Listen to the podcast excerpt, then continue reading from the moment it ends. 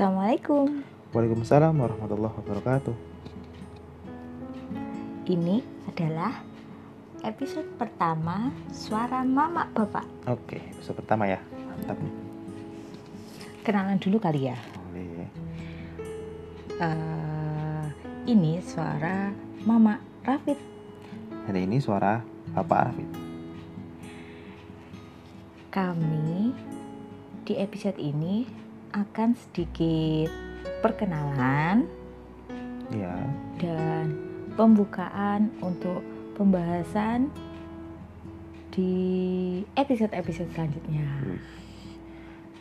siap-siap nih berarti ya perkenalan, terus langsung episode-episode selanjutnya. Eh, kita mulai dari mana ya enaknya ya? Dari awal. Awalnya apa dong? Awalnya ini tuh apa sih? Ini tuh suara mama bapak itu apa sih? Sebuah platform yang isinya jelas ya suara mama dan bapak. Kontennya bisa banyak sekali. Nah, dari pesan-pesan ke anak, Rafid ya terutama. Terus kita cerita kita juga, apalagi Eh, tentang ya apa ya platform tentang keluarga kecil kita. ya DR Family. Kita punya sebutan itu, R Family, DR Family. Kenapa sih kita nggak punya eh, kan banyak nih di belakang nama orang tuh biasanya eh, ada apa ya Alfiani gitu misal Hmm, seluruh anaknya namanya Alfiani gitu. Kenapa? Marga ya. Kenapa kita milih milih nama nggak ada itu Tidak ada marganya. nggak ada marganya Tapi kan kita punya marga R. R Iya. Wisnu, Rizka, Rafid. dan adik-adiknya dan adik-adik lainnya nanti Bismillah Insya Allah terus oh iya kan banyak nih eh, sebenarnya ini tuh sebagai jejak digital kami Iya. ya kan mm-mm. jejak digital kami eh, sebagai pelengkap tulisan-tulisan kami juga Betul. dan apa lagi ya Eh, barangkali ya mm, hidup kita kan singkat gitu ya. Dan barangkali juga ada banyak hal-hal yang tidak kita simpan atau Hmm, tersave gitu ya dalam Iya. hidup kita. Nah ini bagian dari upaya ikhtiar kita untuk apa? Bisa memberikan jejak sejarah atau akses ya kepada anak keturunan kita pun dengan orang-orang lain juga yang mau mendengarin, mau ambil hikmahnya, mau didengerin, apa pun itu.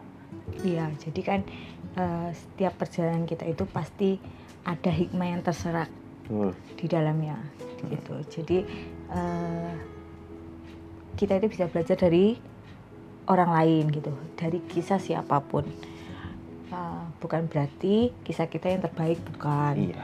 Bukan berarti kita sedang jumawa dengan cerita cerita hidup kita, Nggak bukan. ada. Tapi- eh, kita ingin eh, orang-orang adalah eh, kebermanfaatan kita di dalam bercerita, menulis, meskipun itu hanya kecil gitu.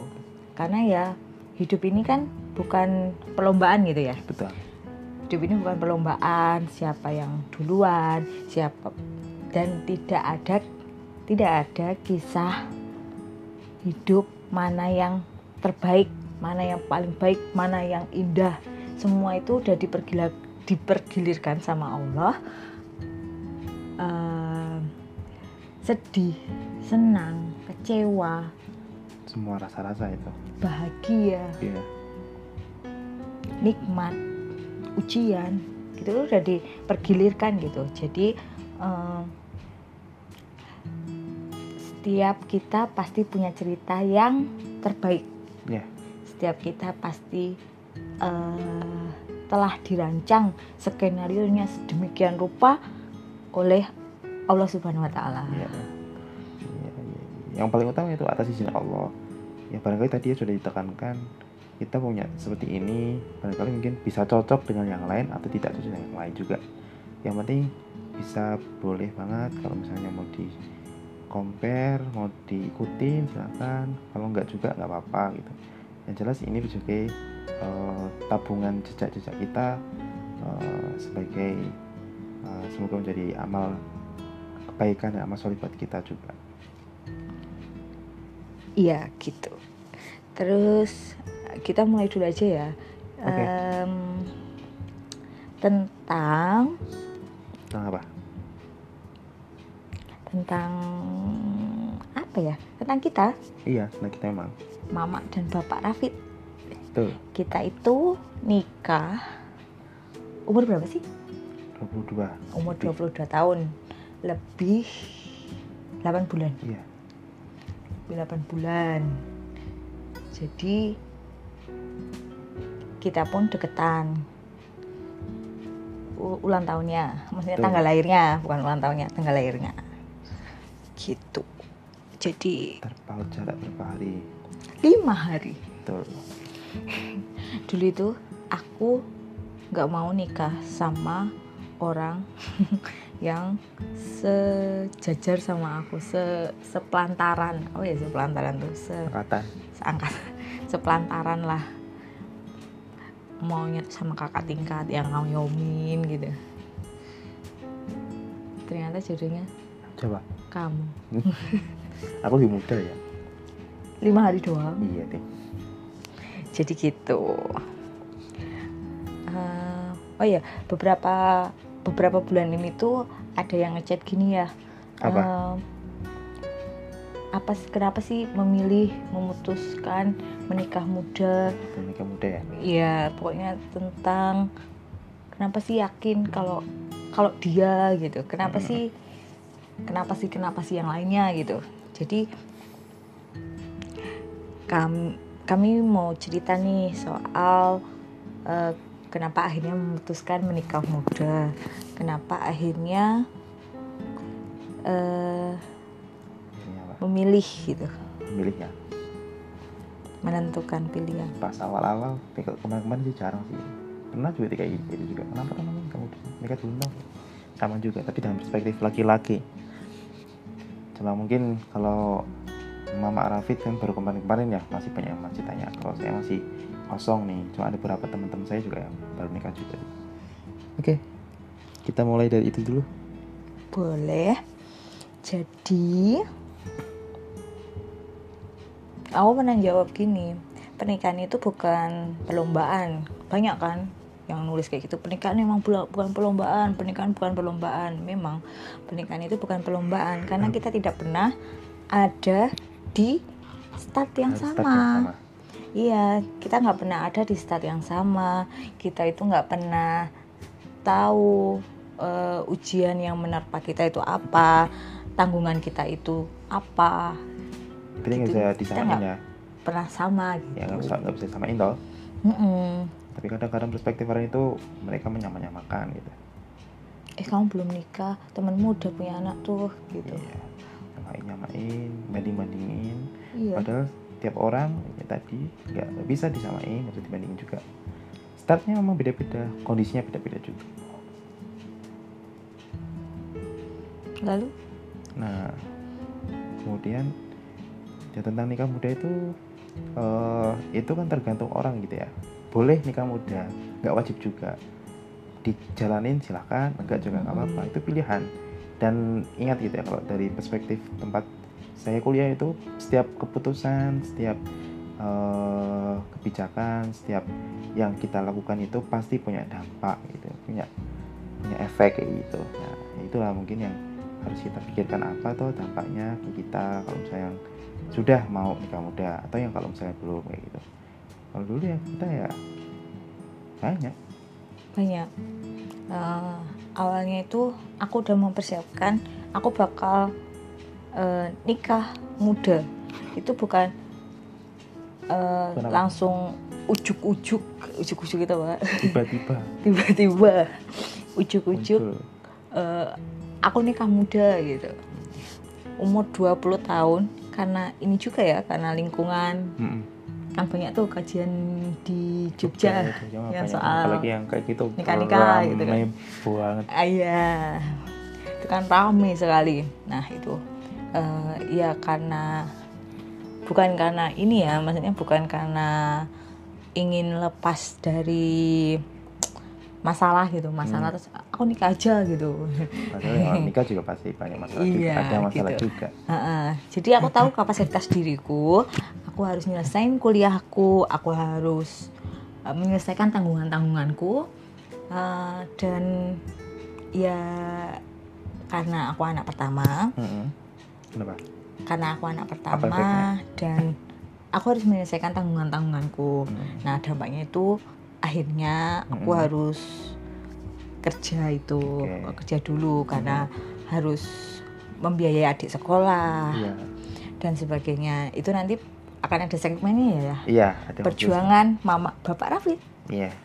Itu nanti akan eh, ada segmennya ya khusus. Intinya pokoknya harus harus menyelesaikan tanggungan dulu dan aku yakin nih umur 22 tahun aku udah selesai sama semuanya itu gitu Oke. jadi aku harus menyelesaikan em, apa ya aku tahu diri gitu kalau kapasitasku itu harus selesai ini dulu selesai satu urusan baru urusan lainnya Mm. nggak bu nggak nggak langsung ke semua urusan jadiin satu gitu Mm-mm. gitu nah sampai akhirnya? Aku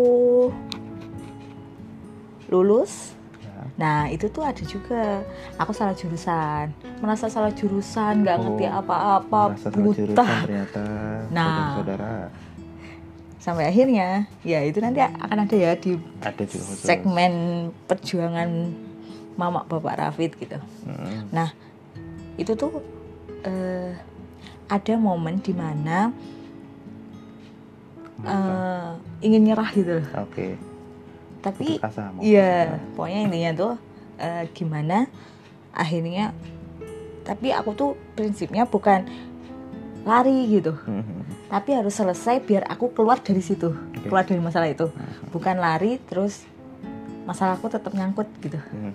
Gitu. Jadi akhirnya aku lulus Eh, alhamdulillah berkat doa ibu, bapak dan mbah dan orang-orang sekitar yang mendoakan aku gitu. Nah, Jadi punya dampak besar juga iya gitu. Eh, akhirnya masuk PNS. Hmm, ya, Lolos ke PNS. Nah, gitu ceritanya. Terus berlanjut akhirnya ada di momen apa umur 22 tahun. Aku Oh, udah udah pada 22 titik. nih. titik kulminasi Siapa ini jodohku? Nah, setiap orang pasti akan menemukan me- ada di titik itu kan ya. ada Siapa pasti. ya jodohku? Siapa ya jodohku? Waktu umur 22 tahun 20 tahun saat aku bilang aku akan nikah di umur 22 tahun, aku nggak sedang dekat sama siapa pun, aku nggak ngerti jodohku siapa, aku nggak ngerti bakal nikah sama siapa. Tapi aku yakin Allah akan me- memberikan yang terbaik gitu, menceritakan me- menciptakan skenario yang terbaik gitu memilihkan dia yang terbaik gitu gitu jadi itu kalau ayah Ya. versi ayah nih versi ayah Nah, kalau dari saya ya, Bapak Rafid. ya. Nah, dulu eh, kalau saya ingat-ingat itu, saya sejak SMA itu sudah mulai kegandrungan baca buku gitu ya. Kebetulan Hmm, saya dulu aktif di Rohis di masjid tempat sekolah saya itu ada perpustakaan. Banyak dia kan buku-buku. ketua rohis Iya, saya dulu kalau kalau saya is- mengistilahkan itu pembantu umum aja. iya membantu umum Pembantu umum. Jadi bantu-bantu yang yang lain gitu. Udah, saya cuma bantu-bantu doang. penyokong Penyokong. utama yang lainnya bilangnya ketua kalau saya pembantu umum iya pembantu umum Rohis nah saya itu udah baca-baca suka tuh ada tuh satu buku. Nah, masih ingat tuh. Dulu juga menjadi cerita juga tuh pas SMA jadi ada buku karangan Ustaz Salim ya. Ustaz Salim tuh, bukunya itu judulnya NPSP nikmatnya pacaran setelah pernikahan. Pertama lihat judulnya itu kepo. Pacaran emang setelah nikah gitu? Bukannya pacarannya itu yang Sebelum- sudah-sudah ya gitu maksudnya sebelum sebelum ya sebelum sebelum mana? SMP SMA kuliah masih ya udah gitu ya. Ya kayak gitu ya kayak pacaran kayak biasa berduaan mereka boncengan makan bareng ya kayak suami istri gitu ya. Tapi ya kayak gimana gitu. Nah itu gitu. Digandeng ke mana-mana. Ke mana-mana. Nah tapi itu nah, wah ada NPSP nih. Nikah pacaran setelah pernikahan? Wah langsung kepo. Kalau salah itu cepet lah nggak sampai seminggu udah selesai gitu dan intinya itu di sana ternyata menceritakan tentang pengalamannya saat saling juga gitu ya tentang nikah muda. Dan saya agak kaget gitu ya ketika baca itu ternyata saya Salim dulu 20 tahun umur 20 tahun udah nikah. Dan, dan merasa. nikahnya hanya itu merasa itu sudah telat gitu. Aneh aneh tapi ya gimana luar biasa dia nah eh, 20 tahun itu udah nikah. Dan nikahnya itu daya juangnya luar biasa. Nikahnya ju- juga sama kakak tingkatnya beliau yang sama-sama masih kuliah juga. Dan pasti ceritanya itu beliau harus nanggung biaya kuliahnya dan macam-macam gitu lah lucu pokoknya dan asik gitu ya kalau dengerin channel stream nah intinya kayak gitu. Lah saya di sini nggak nggak nggak mau promosi ya atau apa pun itu karena ini cuma berbagi pengalaman aja. Tadi yang sudah awal sudah saya katakan setiap apa pun itu dalam hidup kita itu pasti punya dampak gitu. Kalau saya memilih ini jalan ini kita nikah muda pasti memiliki dampak. Iya jelas. Yang nggak yang nggak mengikuti nikah muda pun pasti juga punya dampak. Terserah gitu ya teman-teman juga pasti tahu sendiri kan. Nah NPSP itu. Kemudian dari sana udah mulai tuh wah aku kayaknya aku pengen deh nanti nikahnya nikah muda kayak Salim ya. Tapi nggak 20 tahun gitu. Aku mikir dulu mikirnya tuh targetnya tuh di bawah 25 tahun. Nah, Target kemudian 25 tahun. ya di bawah di bawah 25 tahun. Berarti Mm. yang poin di bawah 25 tahun nah itu saya ralat lagi pas kuliah gitu pas kuliah saya kan kuliah kan juga penuh perjuangan gitu makanya kuliahnya udah kuliah kuliah sendiri lah kuliah sendiri biaya sendiri macam sendiri lah gitu. Udah bisa sendiri terus aku juga udah Mandiri, udah mandiri. aku sudah sepenuhnya itu ya pas menganuni apa minta izin ke orang tua ya udah orang tua bebas aja gitu. Mau mau apa pun yang penting kamu tanggung jawab kamu tahu paham dan kayak mana. Nah dulu pas tahun 2000 apa namanya 2017 itu udah tuh udah mulai benar serius gitu ya. Kan 17 itu saya udah selesai sih. Uh, kuliahnya udah udah tinggal skripsi doang tuh. 2017 itu umur berapa? berarti 17 96 19 tahun ya? Iya, hah? iya 19 Oh, iya. tahun. 19 tahun. Iya 19 tahun kurang lah kurang lebih. Itu udah udah mulai tuh. Wah kayaknya aku punya cita-cita lagi deh. Aku besok kalau pas wisuda Pokoknya 20 tahun ya? 20 tahun ya 19 20 tahun lah. Kalau nanti pas kuliah udah wisuda itu saya pingin punya istri tuh udah punya istri. Dan ada plusnya istri itu sudah punya ngandung juga gitu. Itu udah saya kepikiran. Oh, ternyata kejadian gitu kejadian dan kesampaian cita dan, dan uh, keinginan saya tapi awalnya uh, apa namanya ya itu ya tadi ya tentang nikah muda itu jadi saya itu juga nggak ujuk-ujuk doang gitu nggak tiba-tiba muncul udah selesai nikah nggak kayak gitu saya sudah uh, Mempersiapkan. mempersiapkan diri juga Mm-mm. karena kan satu ya kalau laki-laki itu satu tanggung jawab kemudian dua itu secara fisik mental dan uh, spiritual itu harus semuanya udah siap semua tuh Misalnya Kudu jejak kudu jejak juga. orang Jawa. iya pendiriannya harus kuat karena apa? Karena itu akan mempengaruhi gitu ya. Apalagi kalau misalnya nikah muda tuh kalau nikah muda itu katanya banyak orang-orang psikologi itu egonya itu masih tinggi tuh masih masih Masih Ya, aku aku kamu tarik tarikan kamu. ya betul. Kalau keakuan tarik tarikan itu masih kenceng banget. Entah baik dari sisi laki-lakinya maupun perempuannya. Nah itu harus bisa menjaga tuh keseimbangannya. Ego memang boleh cuma kan kita harus di di manage dengan sebaik-baiknya kayak gitu. Nah eh Karena muda bukan itu hanya lagi aku Apa? sama kamu. betul. Nah, Nanti ada kita, ada anak-anak. kalau bahasa satria itu ketika aku dan kamu jadi kita. Sih ya mantap. Nah eh tadi ya tentang kayak gitu. Karena apa ya saya juga melihat kalau saya pribadi ya ya salah satu solusi ketika nggak pacaran ya udah. Apa namanya harus nggak usah pacaran ya udah nikah aja gitu. Ngapain pacaran pacaran pacaran nggak ada manfaatnya pacaran itu nggak ada manfaatnya pacaran eh, masing-masing ya. Karena juga saya penganut agama yang yang yang taat juga. Ya udah kayak gitu. Kalau misalnya kita nggak boleh nggak nggak usah gitu. Kita kayak gitu.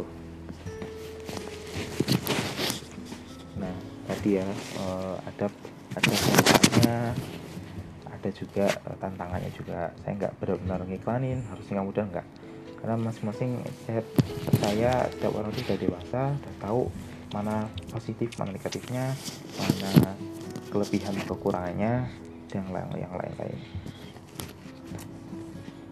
kayak gitu tuh tentang nikah muda. Ya. Terus ini ada pertanyaan kedua nih apa nih? Banyak tuh yang nanya dulu tuh kenalnya gimana ya sama Rafid sama Bapak Rafid itu? Oh iya ya itu tuh. Kenalnya gimana ya? Kenalnya itu sebenarnya Ini versi Mama Rafid ya oh ya ini versi versi mama dulu ya. Jadi intinya 2017 itu aku lulus. Hmm.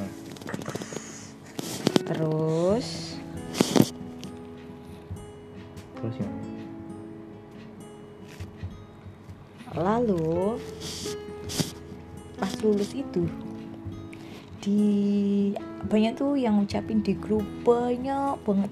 Selamat barakallah barakallah barakallah. Nah terus eh, ada satu komen yang bikin aku penasaran. Iya jadi intinya Barakallah lalalala gitu. Terus eh, dia jawab habis ini jadi penulis aja terus kan gimana ya Em, terus siapa nih? Kok nyuruh-nyuruh jadi penulis? Emang dia tahu apa? Kayak gitu. Emang dia tahu apa aku hobi nulis? Siapa nih? Siapa? Kepo lah. Bukan kepo sih bukan kepo-kepo yang kayak gimana gimana gitu enggak. Cuma ngeliatin dia itu siapa gitu. Terus menujulah Instagram. Search namanya dan ternyata dia udah follow aku gitu. Nah ternyata nggak tahu deh dia follownya kapan. Nah terus setelah itu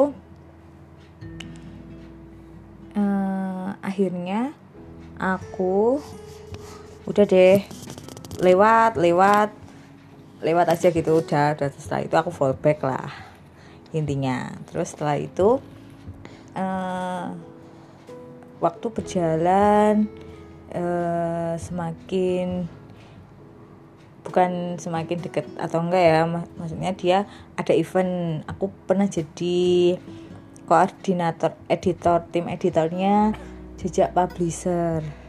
Jadi itu ngumpulin penulis-penulis tulisan-tulisan gitu. Nah dia ikut. Nah mulai dari situ dia tanya-tanya lah entahlah itu modus atau apa makanya tanya-tanya ya kan. Iya iya ngaku aja kali. Oh ya itu pokoknya intinya tanya-tanya ya aku jawab seperlunya. Ada setelah itu dia ikutan tuh jadi editornya apaan sih nih orang ngikut-ngikut mulu gitu batin batinnya mama kan. Terus setelah itu enggaknya itu ya oke setelah itu tulisan. Kan biasanya kan aku nulis gitu. Aku tuh hobi nulis di story. Bikin puisi kayak apa kayak yang yang ada di pikiran ya udah ketik aja gitu. Bukan berarti pas aku nulis itu aku galau gitu enggak. Jadi ketika aku habis baca buku apa gitu terus aku kepikiran. Terus habis eh, habis eh, di perjalanan gitu lagi thread ide gitu nulis gitu. Bukan berarti ketika itu tuh aku lagi galau gitu. Banyak kan ih galau banget serius kayak gitu lalalala eh ya berarti aku berhasil dong membuat kalian merasakan kegalauan. Iya kan ya? Sangat itu kemampuan yang langka nah gitu. Jadi sebenarnya aku nulis tuh aku nggak galau. Aku nggak sedang galau nggak apa. Pokoknya itu terlintas aja gitu.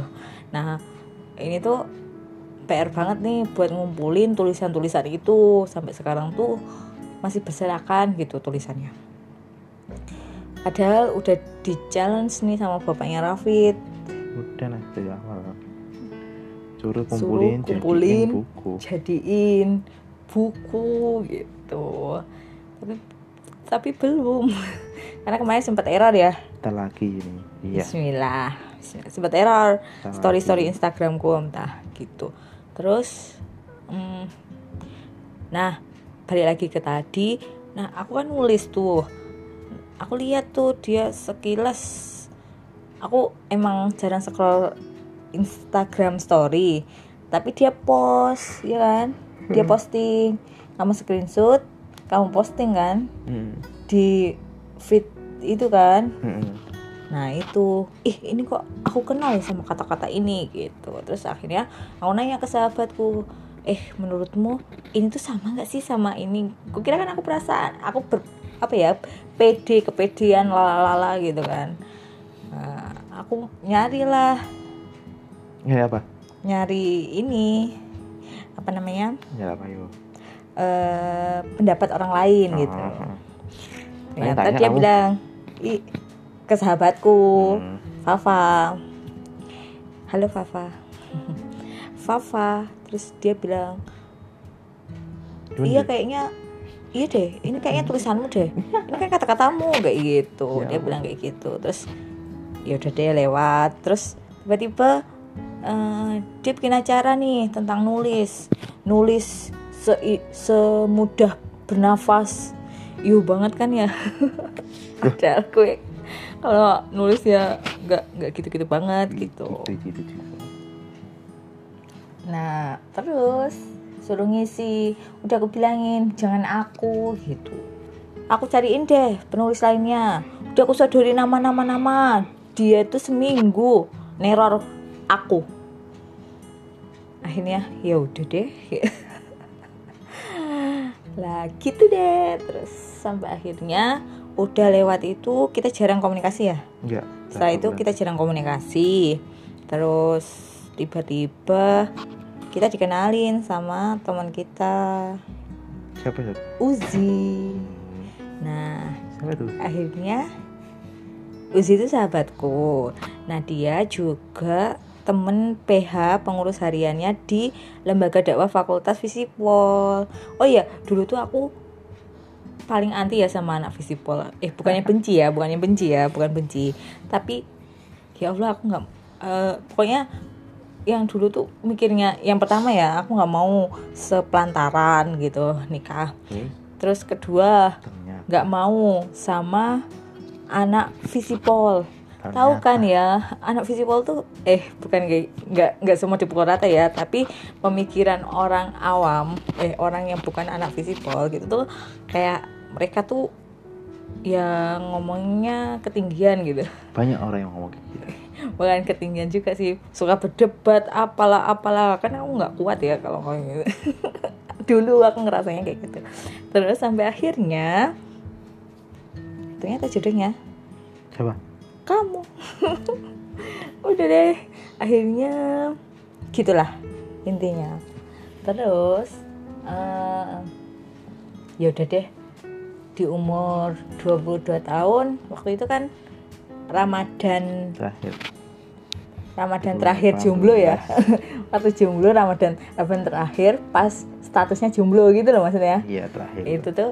Terakhir. Eh, apa namanya? Di situ tuh aku udah eh, membuang jauh tentang nggak mau ini nggak mau itu gitu. Pokoknya eh, aku udah nggak mikirin aku nggak mau yang ini aku nggak mau yang itu gitu nggak. Tapi itu aku eh, aku ngajuin proposal tuh ke Allah. Aku pengen punya aku, aku pengen menikah itu karena apa gitu kan? Kata Ustaz Salim kalau pengen doanya segera di ACC gitu ACC kita Dia cari aja ke alasan terkuat gitu kenapa kita harus nikah muda kenapa pengen nikah gitu. terus yang kedua eh, kriteria-kriteria yang ternyata itu dijawab sama Allah ada di diri bapaknya Rafid gitu. Jadi kalau doa itu beneran harus spesifik. spesifik itu bener.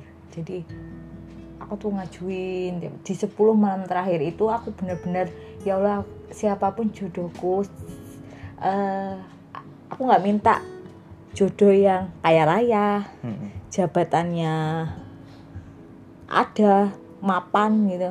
Mm-mm. nganu apa namanya? Apa? Eh dan sebagainya lah pokoknya yang tentang duniawi gitu tuh udah udah aku singkirkan gitu. Bahkan sampai aku berdoa nih ya Allah kalaupun aku harus mendampingi dia nih Mm-mm.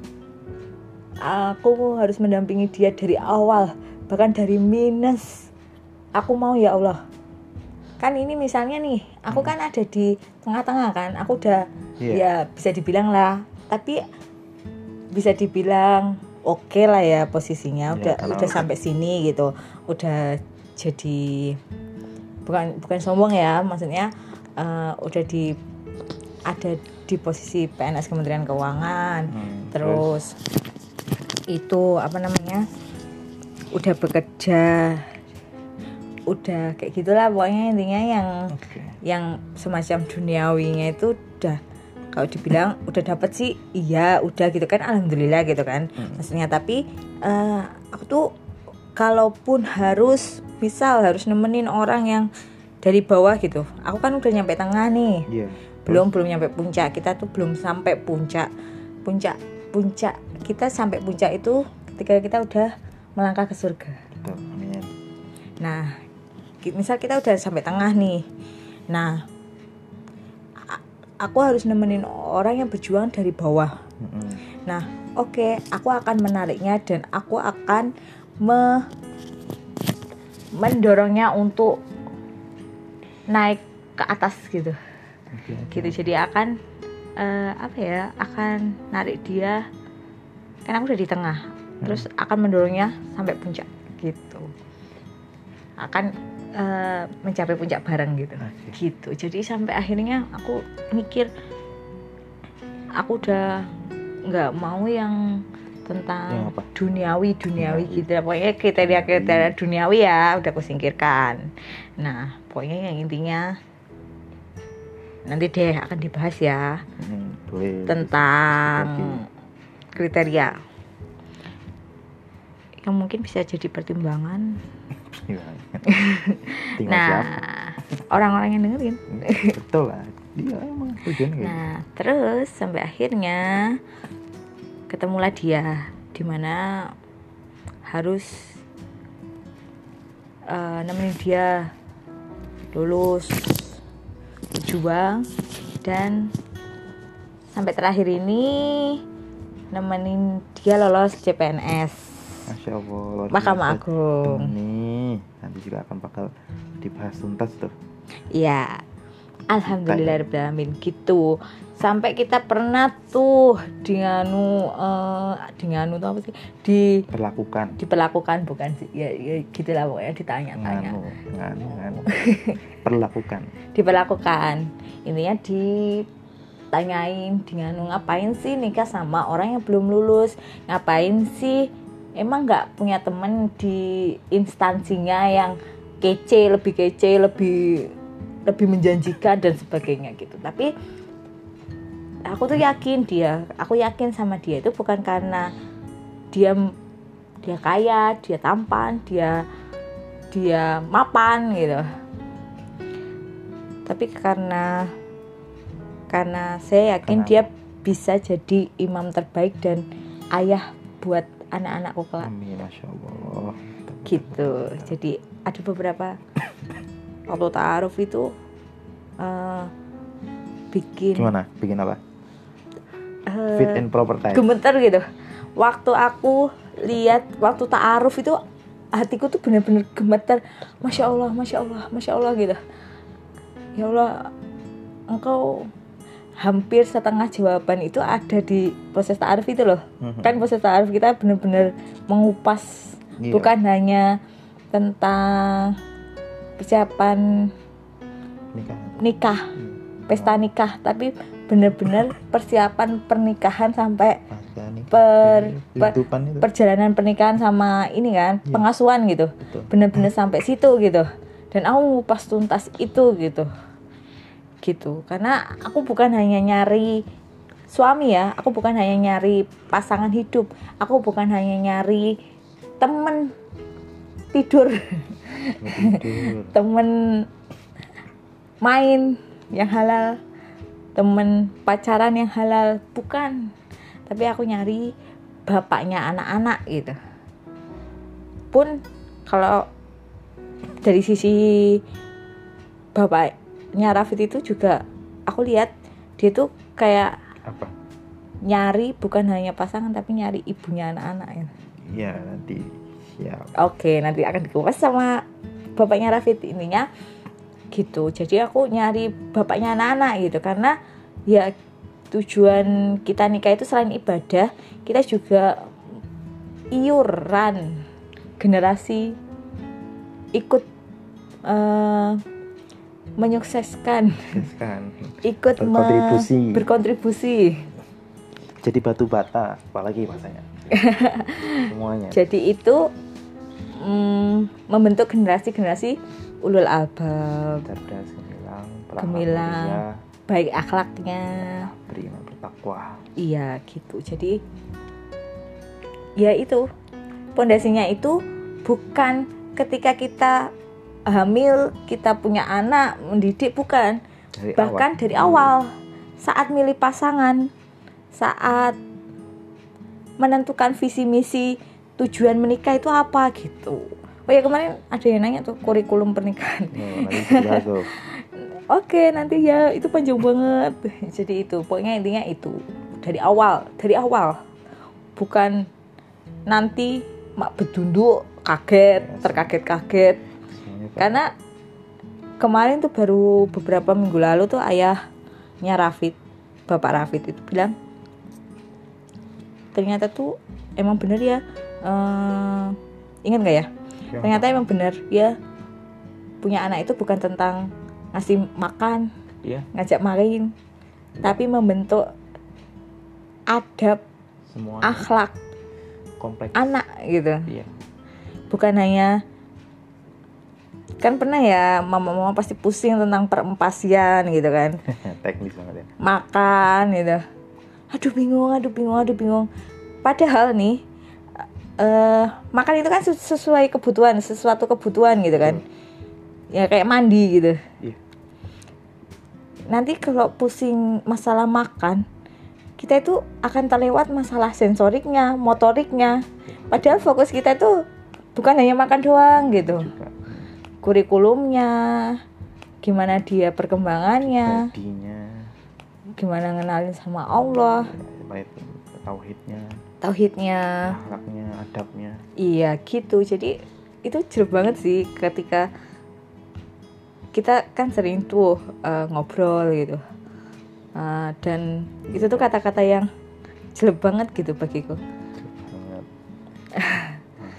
Kalau ternyata punya anak itu bukan hanya ngasih makan tapi tentang mendidik akhlak adabnya tauhidnya ibadahnya dan seterusnya. Termasuk sensoriknya motoriknya. Karena itu yang akan membawa pengaruh besar terhadap potensi anak sih. Iya dan kehidupannya juga ya itu ada. kata-kata bapaknya Rafid beberapa minggu lalu yang bikin hmm gitu. Meleleh. Oke sekarang versi bapaknya Rafid. Ya banyak tuh dulu yang kenal. Gimana sih kenalnya sih?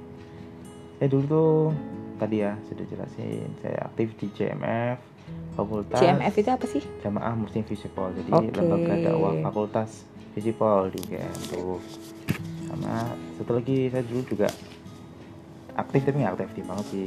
LDK ya CS namanya cuma salah udah nah dulu tahun 2014 kan masuk kuliah tuh. Masih ingat Agustus ya. Mm-mm. udah daftar tuh JMF sama CS nah, CS tuh 2015 tuh mau aktif-aktif banget. Apalagi pas itu Ramadan pertama ya kalau nggak salah itu Ramadan pertama di rantauan Iya. ikutlah RDK Nah, itu. Itu yang bikin kaget pas Ramadan pertama masih hangat-hangatnya jadi mahasiswa tiba-tiba aku ditunjuk sebagai bendahara padahal aku bukan jurusan keuangan. Itu juga aneh lucu. Ya nggak ada yang lucu itu takdir. Tapi kaget. Nah disuruh aku pokoknya lah pokoknya daftar lah terus diterima di tim acara.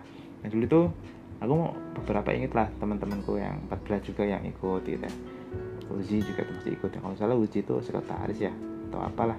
Ya, kita nyebut nama BPH. nanti izin dulu ya. Oke. Okay. terus beberapa juga beberapa yang laki-laki juga. Nah dulu tuh ada tuh nama 14 ya kayaknya Rizka Apriantini gitu. Masuk di poster-poster gitu ya. Yang dikonfirmasi konfirmasi gitulah.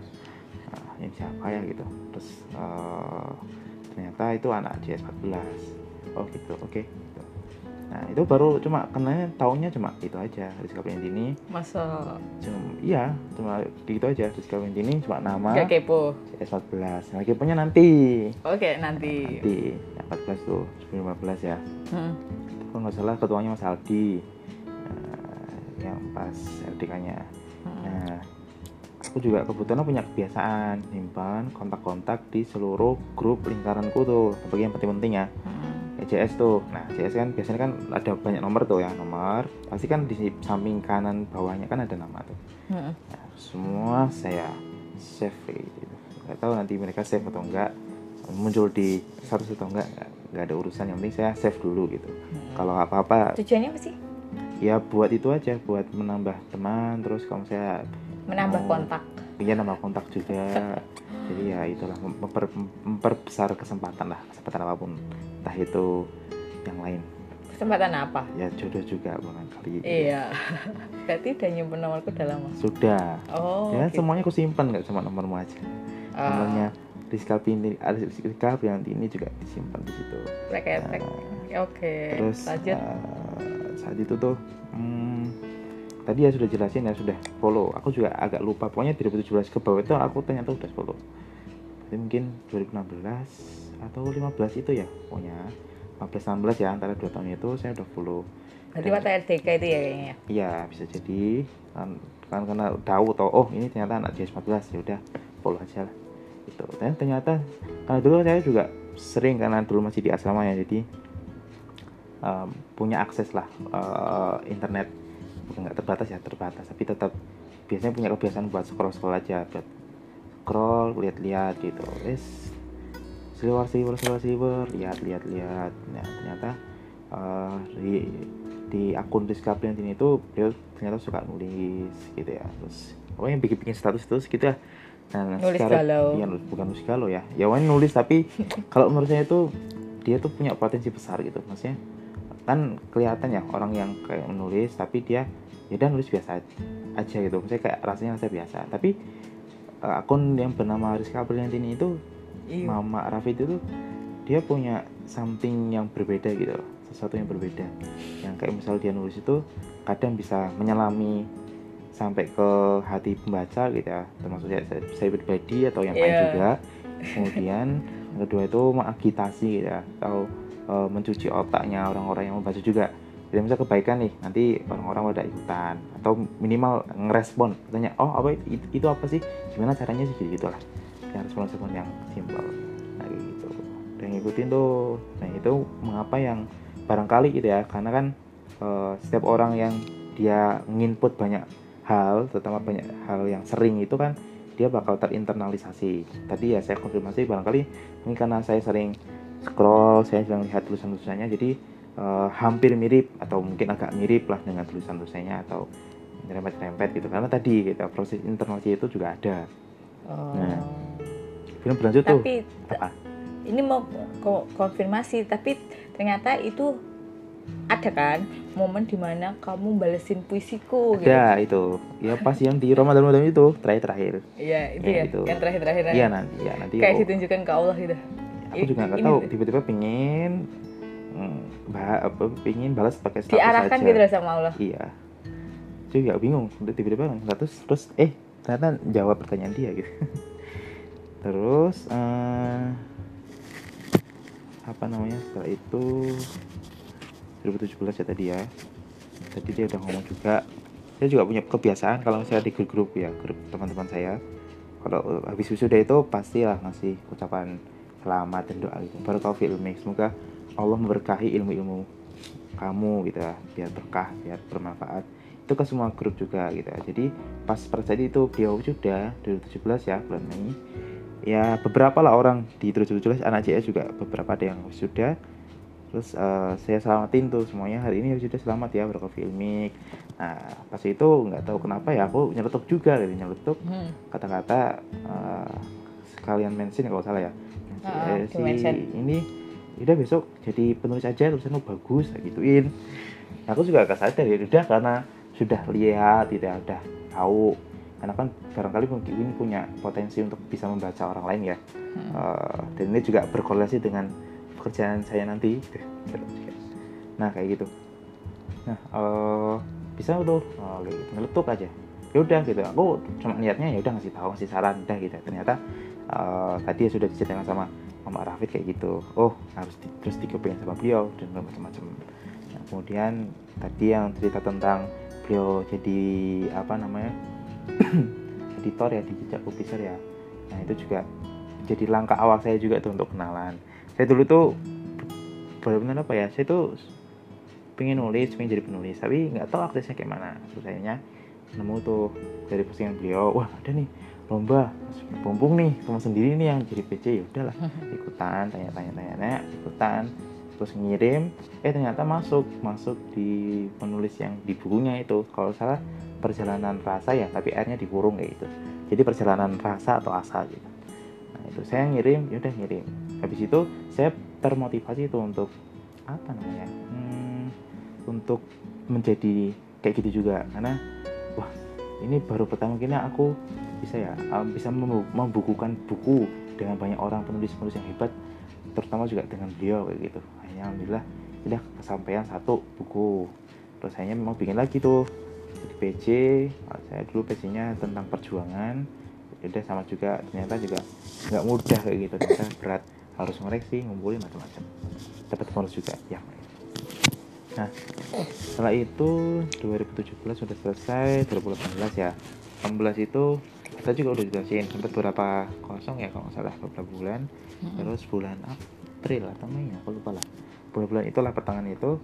Aku minta tolong kan saat itu saya lagi merintis platform-platform kayak gitu lah pelajar. Namanya itu lingkar pelajar sama teman-temanku. Aku ke- kebetulan jadi PJ-nya gitu ya.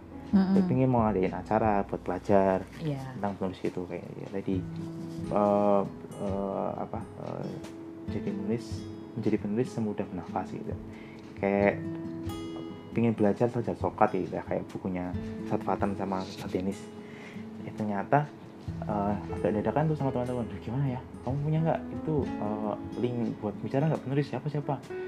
Ada ada ada. Tapi di bukunya masing-masing ya. Aku juga punya berapa. Cuma aku beda kan ini mepet ya. Gimana ya? Siapa ya? Aku kepikiran oh iya yang Aziz ada yang pintar ya pintar.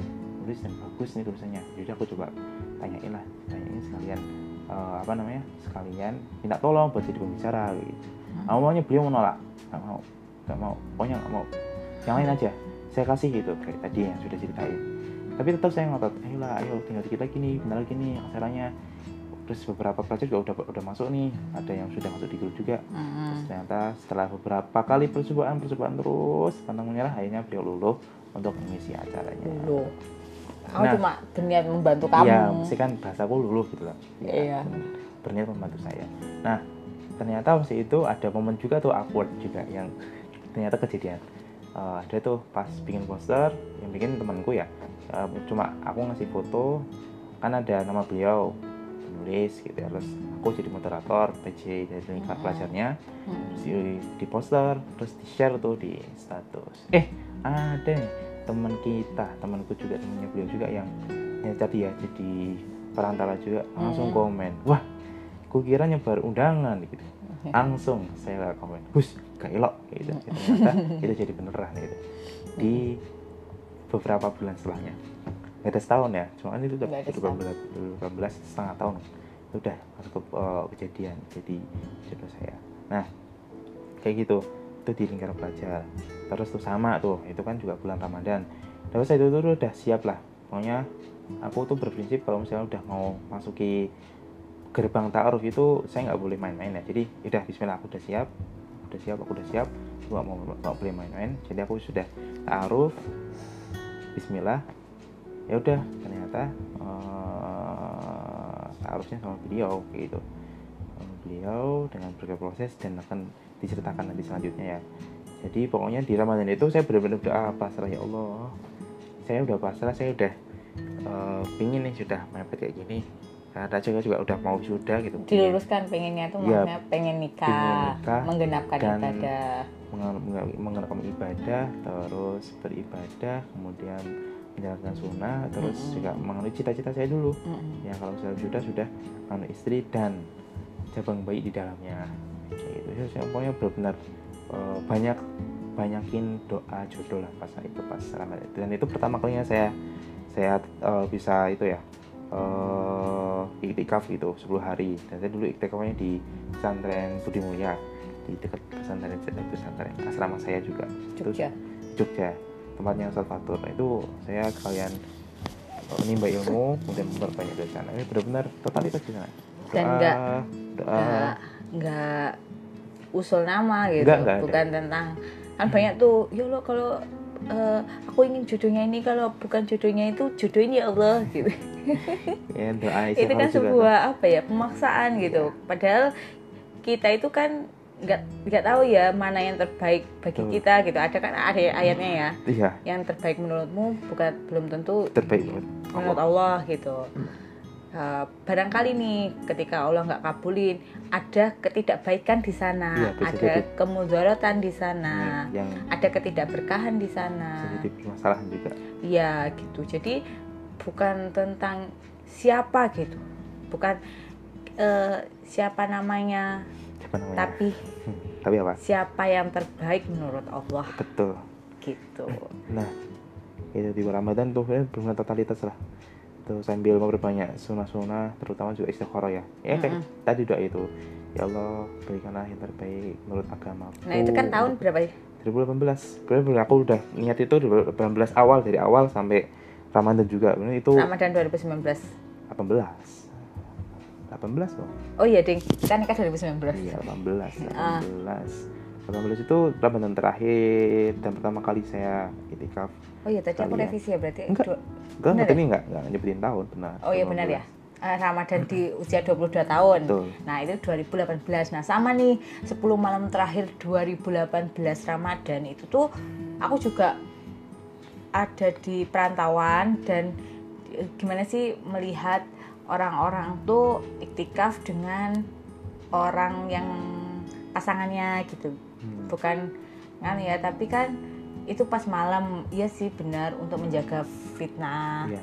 lebih terjaga gitu. Tuh aku beneran nangis di malam 10 terakhir itu beneran ya Allah ya Allah aku pengen nikah gitu. Aku pengen dijauhkan dari fitnah-fitnah duniawi yang kejam ini gitu. Apalagi aku nggak suka ya di eh, dijodoh-jodohin gitu. Kan apalagi itu tuh em, di masa di mana kenapa? Dijodoh-jodohin gitu loh. Eh ini mau dengan ini mau dengan itu mau dengan itu gitu. Kayak nggak suka gitu. Gimana sih kita menjaga hati banget tiba-tiba digituin gitu? Nah ketika udah digituin jadi nggak enak gitu sama orang yang dijodoh-jodohin itu. Nanti kalau ke gap disorakin dan sebagainya gitu loh. Maksudnya eh, sebisa mungkin kita itu ya tahu gitu Jaga. kondisinya Eh, orang lain tuh sedang mati-matian loh menjaga perasaannya. Jangan sampai kita itu menghancurkannya dengan cie gitu. Padahal kata cie itu itu bisa merobohkan semua kekuatan iman kita. Iya benteng-benteng ya benteng-benteng ya. iman gitu loh. Apalagi buat Jadi- perempuan ya. Iya gitu. Susah gitu. Per- perempuan tuh perasa banget gitu.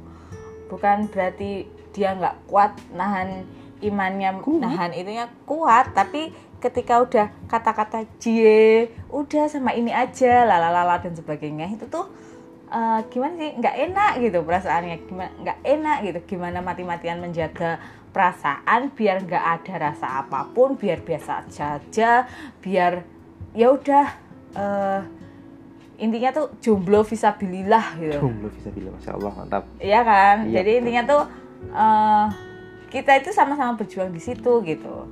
Menjaga keberkahan saat sendiri gitu. Saat sendiri itu kita harus juga menjaga keberkahan gitu.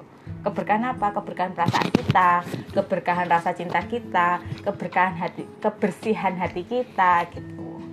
Ya karena kita nggak bisa menyerahkan hati kita itu sebelum akad karena nanti belum tentu dia jodoh kita ya kalaupun jodoh itu pasti uh, beda gitu rasanya rasa pegangan pertama setelah akad terucap itu akan beda gitu. Iya.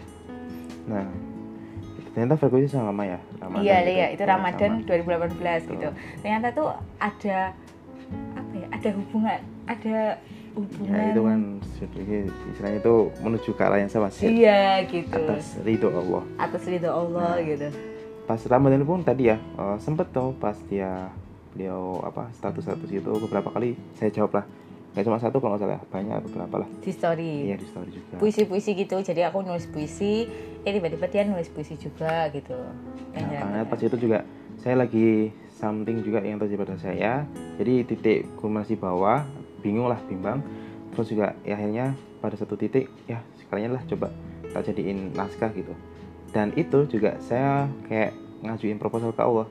Di salah satu buku saya itu tentang kamu yang uh, salah satu uh, buku pribadi saya itu ada bagian bab tuh yang benar-benar mengapa ya menggambarkan gambaran jodoh saya atau keinginan saya. Jadi kayak saya tuh mengajukan proposal itu ke Allah ya Allah ini kayak gini loh. Ternyata beberapa yang ada di buku itu hampir semuanya itu terjawab di Bunda Fit ya, di Mama Rafid pokoknya semuanya lah.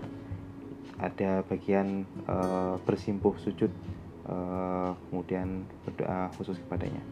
Itu benar-benar uh, apa ya kayak ngajuin proposal sama Allah ya Allah kayak gini lah pengen kayak gini. Ternyata dikabulin semuanya hampir semuanya itu ada di diri Bapak David. Itu 2018 juga. Dan rilisnya itu uh, hampir berbarengan lah 18 akhir pas itu. Dan nanti juga di nikah juga ada tuh cerita tentang perjalanan kita ya. Nanti bakal dikupas juga di podcast selanjutnya tentang kalau judulnya itu diorama rasa diorama rasa. Iya. Nanti juga nanti silakan itu rilis di awal di hari pernikahan kita. Pernikahan. Gitu. Itu tentang perjalanan kita ya. Iya. Taruh mulai dari uh, merayu Allah. Iya. Merayu Allah terus kemudian perspektif akhirnya tulisan. Allah ridho terhadap kita gitu. Mm -mm. prosesnya dimudahkan gitu dilancarkan dan itu pun ya nggak nggak semudah yang kita ceritakan ini nggak pasti ada Tetep naik turunnya sepak sepak terjang yang luar biasa ya. Iya. Ya cuma dia saya juga sama juga. Perlu perjuangan lah ya. Siap masing-masing pasti penuh perjuangan dan ada cerita di baliknya itu. Cuma kadang orang bisa mengungkapkan atau mau mengungkapkan ada yang cuma disimpan aja. Iya. masing-masing. Oke. Sekian uh, perkenalan ya di episode pertama ini. cuma tadi kenalan sama dua pertanyaan aja mantap luar biasa jadi kalau ada pertanyaan lagi muncul bisa dijawab beberapa episode podcast lagi. Terima kasih. Semoga bermanfaat. Assalamualaikum. Waalaikumsalam warahmatullahi